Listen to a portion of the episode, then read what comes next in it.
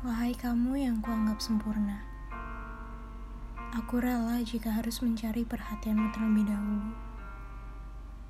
Mungkin aku rela digantungkan. Wah, kali ini sungguh tidak sehat jika berpikir tentang dirimu. Kau menarikku dengan kedewasaanmu. Benar, aku hanya melihat melalui gerak-gerikmu. Entahlah, tapi menurutku kamu sudah lebih dari cukup. Mungkin memang aku sudah dibutakan, tapi sungguh tak apa. Aku merasa ini merupakan sesuatu yang indah, sangat indah, hingga aku tak ingin berhenti.